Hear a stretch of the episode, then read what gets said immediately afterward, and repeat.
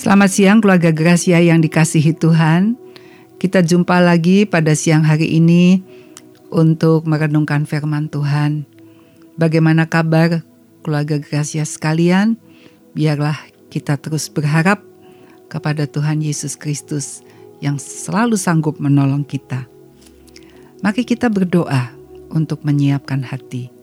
Bapa yang ada di surga, kami mengucap syukur kalau Engkau terus menaungi kehidupan kami.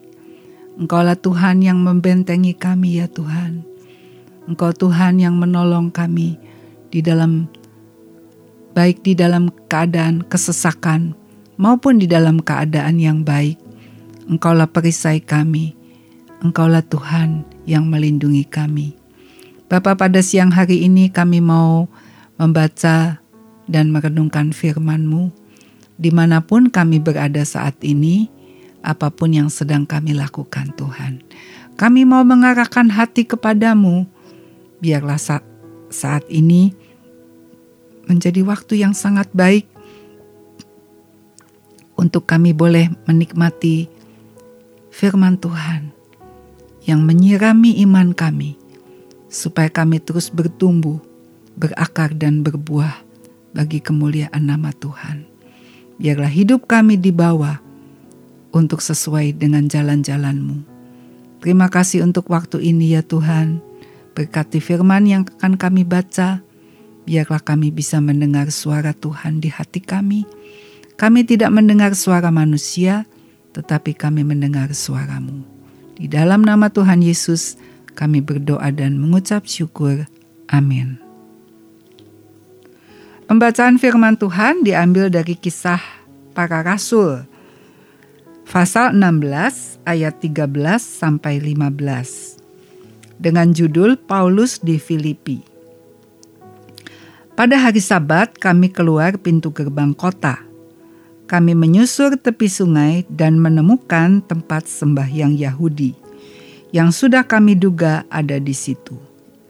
Setelah duduk, kami berbicara kepada perempuan-perempuan yang ada berkumpul di situ.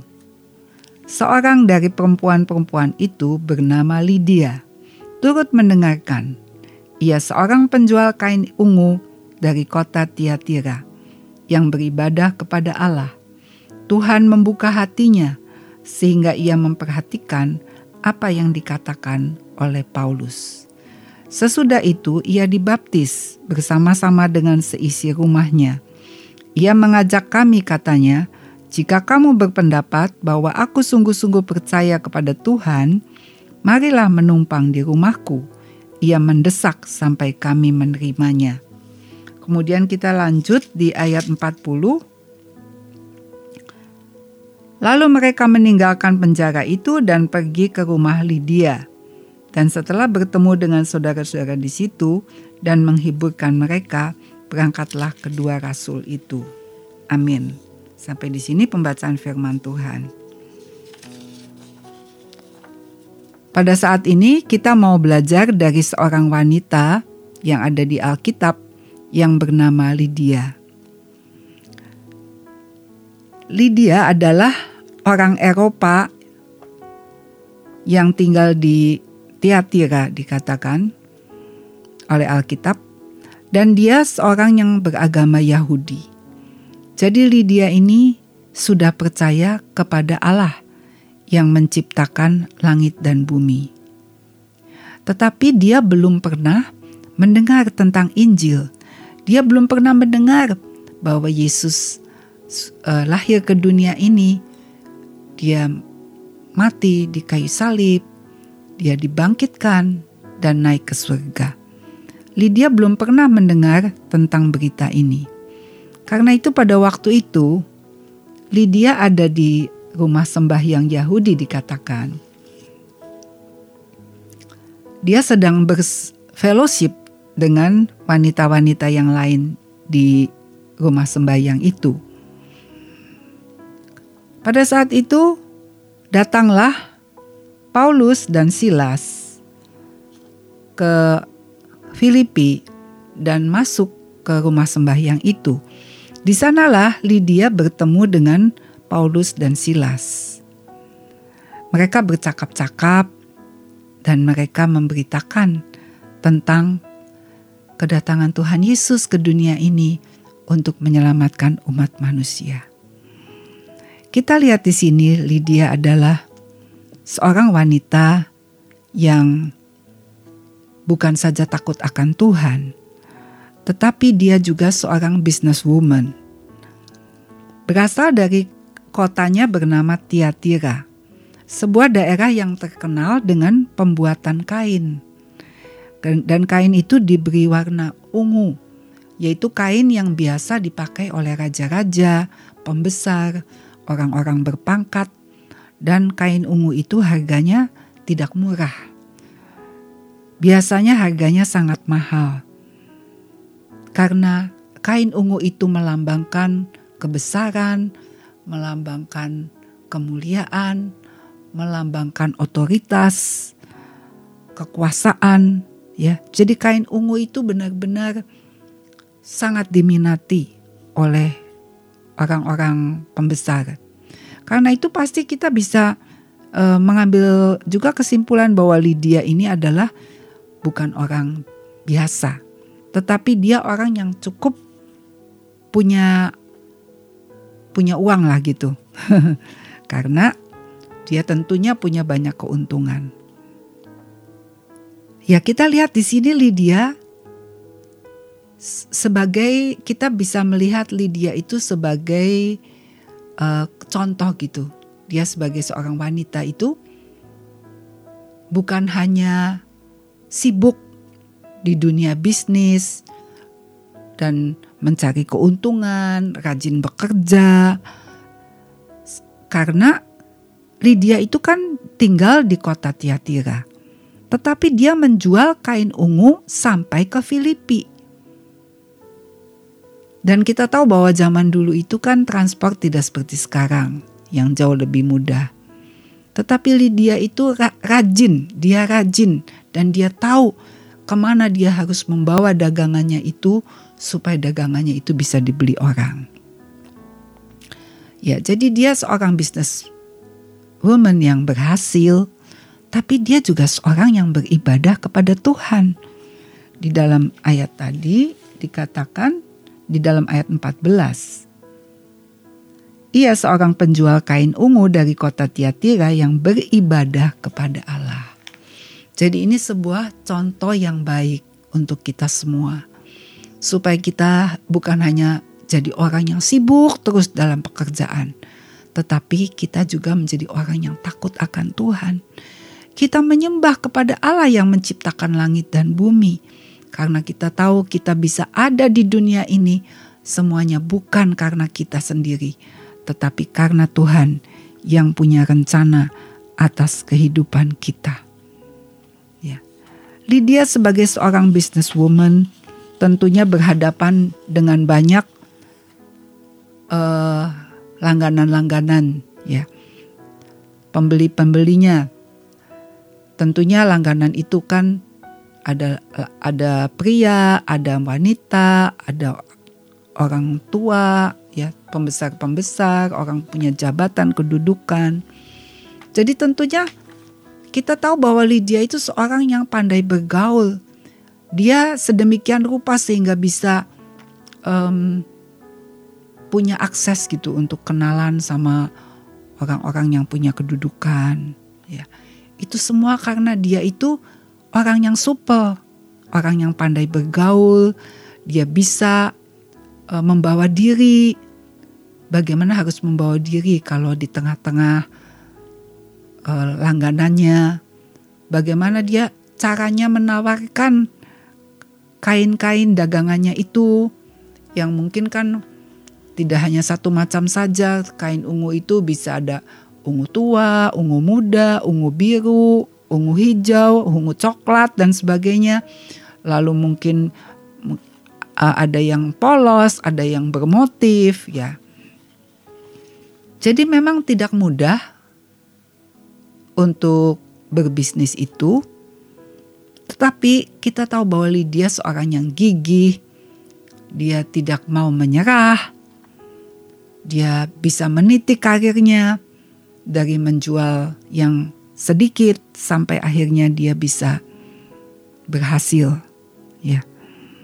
Dan kita melihat bahwa Lydia ini seorang yang punya hati yang melayani ya. Kalau orang jualan itu tidak mungkin bisa berhasil kalau tidak punya hati yang melayani. Ya. Kalau misalnya Judas ya pembelinya tanya ini, tanya itu, mau lihat yang ini, mau lihat yang itu, lalu seandai kata Lydia melayani dengan marah-marah, dengan jadi beli nggak sih? Jangan lihat-lihat aja dong, harus beli gitu. Misalnya dia melayani seperti itu, pasti dia pembeli-pembelinya nggak suka dan pembeli-pembelinya itu nggak mungkin mau beli lagi sama dia, ya. Tetapi kita melihat bahwa Lydia itu seorang yang bisa melayani, bisa mengerti akan kemauan daripada pembeli-pembelinya. Dia bisa melayani dengan sabar dan andai kata orang beli itu nggak jadi, misalnya ya udah tanya ini, tanya itu, lihat yang ini, lihat yang itu, ternyata udah dah nggak jadi ya nanti lain kali lagi gitu. Dan Lydia itu tetap bisa melayani mereka dengan sukacita, tidak marah-marah, tidak terus mukanya berubah, atau terus cemberut ya. Lalu waktu tamunya permisi tidak dijawab Lydia tidak berlaku seperti itu. Tetapi dia juga sabar. Selain itu Lydia juga orang yang bisa memberikan ide-ide yang menarik. Dia bisa memberikan usul-usul kepada langganan-langganannya. Bagaimana kalau begini? Bagaimana kalau kayaknya di gabung sama yang ini seperti misalnya seperti itu. Jadi seorang uh, businesswoman, orang yang berjualan itu kita belajar dari Lydia ini adalah orang yang bisa punya hati yang melayani, ya. Punya hati yang mau mengerti selera daripada langganan-langganannya. Mempunyai hati yang bisa punya pengharapan jadi kalau ada orang beli nggak jadi ya udah gitu. Percaya nanti ya siapa tahu dia pasti balik lagi gitu ya. Berpikirnya begitu. Tidak berpikir negatif, merasakan saya sudah capek-capek, nggak jadi beli. Ya kalau berpikir seperti itu, pasti Lydia nggak bisa berhasil. Tetapi karena dia belajar berpikir positif, belajar menyenangkan pembelinya, maka dia bisa menjadi orang yang berhasil. Demikian juga keluarga Gracia, jikalau kita dipanggil Tuhan menjadi seorang yang berdagang, menjadi seorang yang melayani pembeli-pembeli. Kita semua tahu pasti merasakan bahwa pembeli-pembeli itu kan satu dengan yang lain beda-beda ya. Ada pembeli yang baik yang ya cincai ya gitu, nggak rewel. Iya, langsung beli aja udah gitu. Tapi kan ada pembeli yang jelimet gitu ya. Oh, segala sesuatu di diperhatikan sampai detail-detailnya gitu ya. Eh, saking mendetailnya itu kadang-kadang kan ya tidak mudah melayani pembeli yang uh, terlalu mendetail gitu ya. Segala-gala diperhatikan gitu sehingga memakan waktu lama mungkin kita harus melayani orang lain itu orangnya jadi kapiran tidak terlayani karena ada pembeli yang perlu pelayanan khusus ya. Tetapi kita tahu bahwa kalau kita menyadari bahwa kita, kalau kita dipanggil sebagai seorang yang berdagang bahwa melalui profesi kita kita sedang melayani Melayani itu artinya kita mau menyenangkan orang lain, bukan menyenangkan diri kita sendiri. Itulah yang kita bisa pelajari dari keberhasilan Lydia sebagai pedagang kain ungu. Jadi marilah keluarga Gracia yang saat ini mempunyai panggilan untuk berdagang. Baik itu dagang kain ataupun dagang uh, keperluan sehari-hari maupun kebutuhan-kebutuhan apa pun juga yang Tuhan percayakan dalam kehidupan kita, marilah kita punya hati yang mau melayani. Karena dengan pelayanan yang kita kerjakan itu, sebenarnya karakter kita juga sedang dibentuk. Karakter kita sedang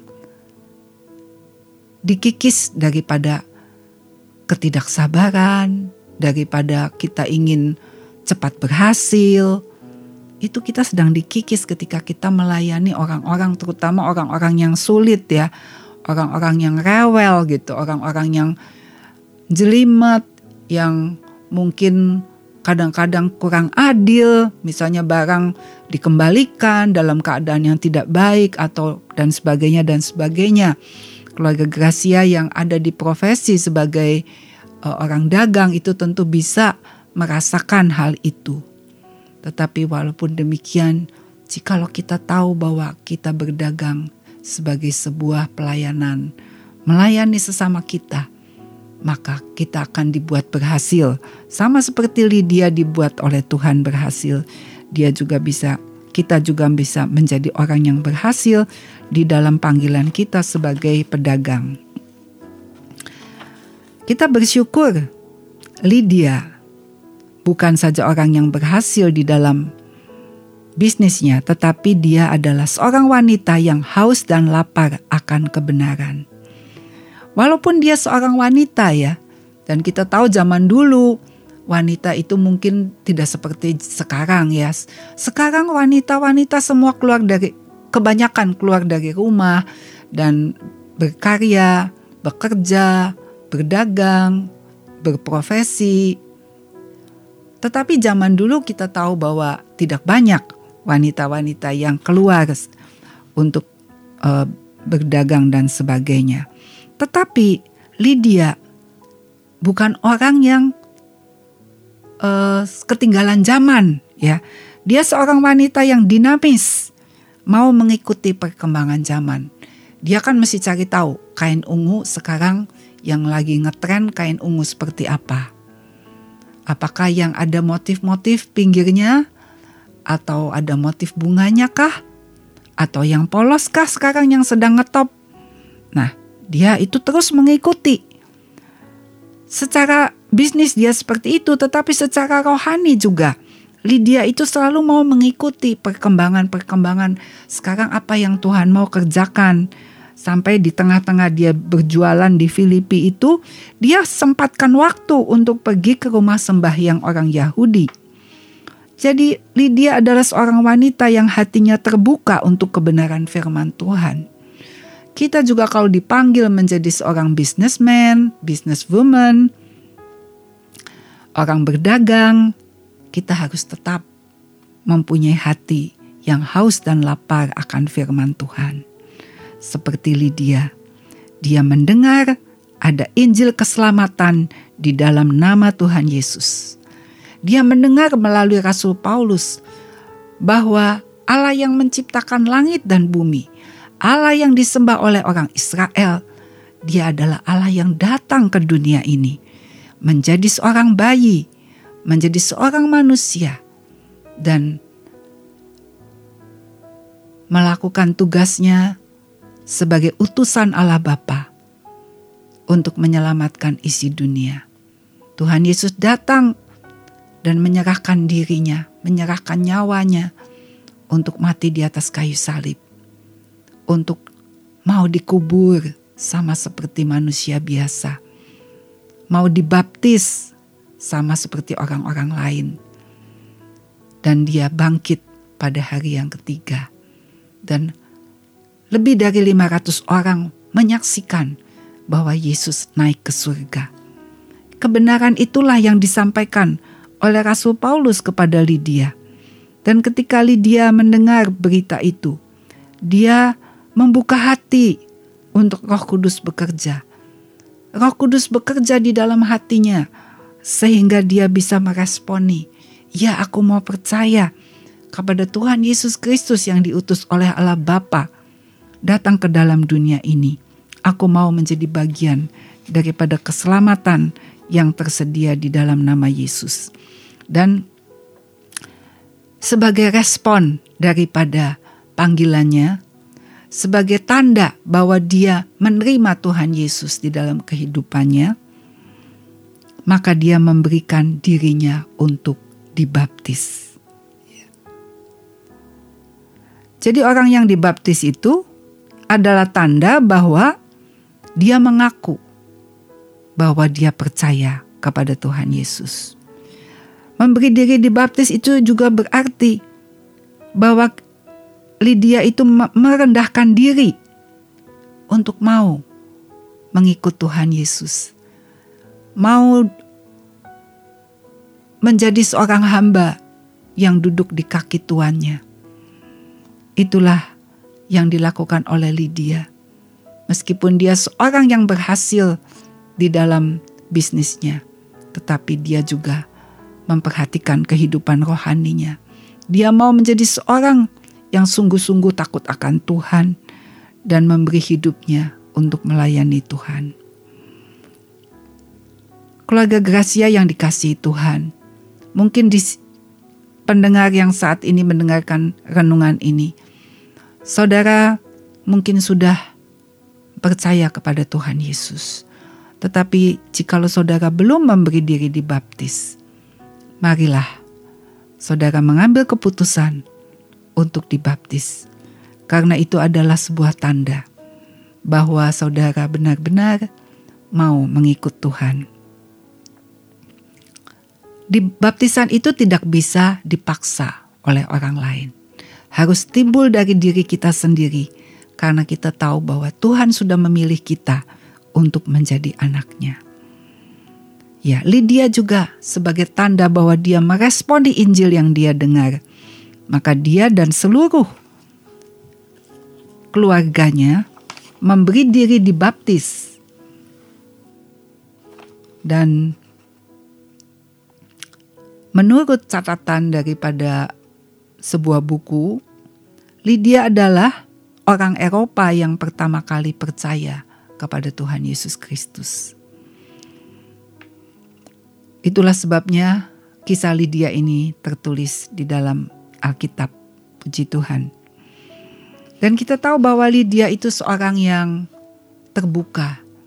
Begitu dia menerima Tuhan Yesus dan di, memberi dirinya dibaptis, firman Tuhan berkata, Lydia itu mengajak Paulus dan Silas untuk uh, ke rumahnya ia mengajak kami, katanya, "Jika kamu berpendapat bahwa aku sungguh-sungguh percaya kepada Tuhan, marilah menumpang di rumahku."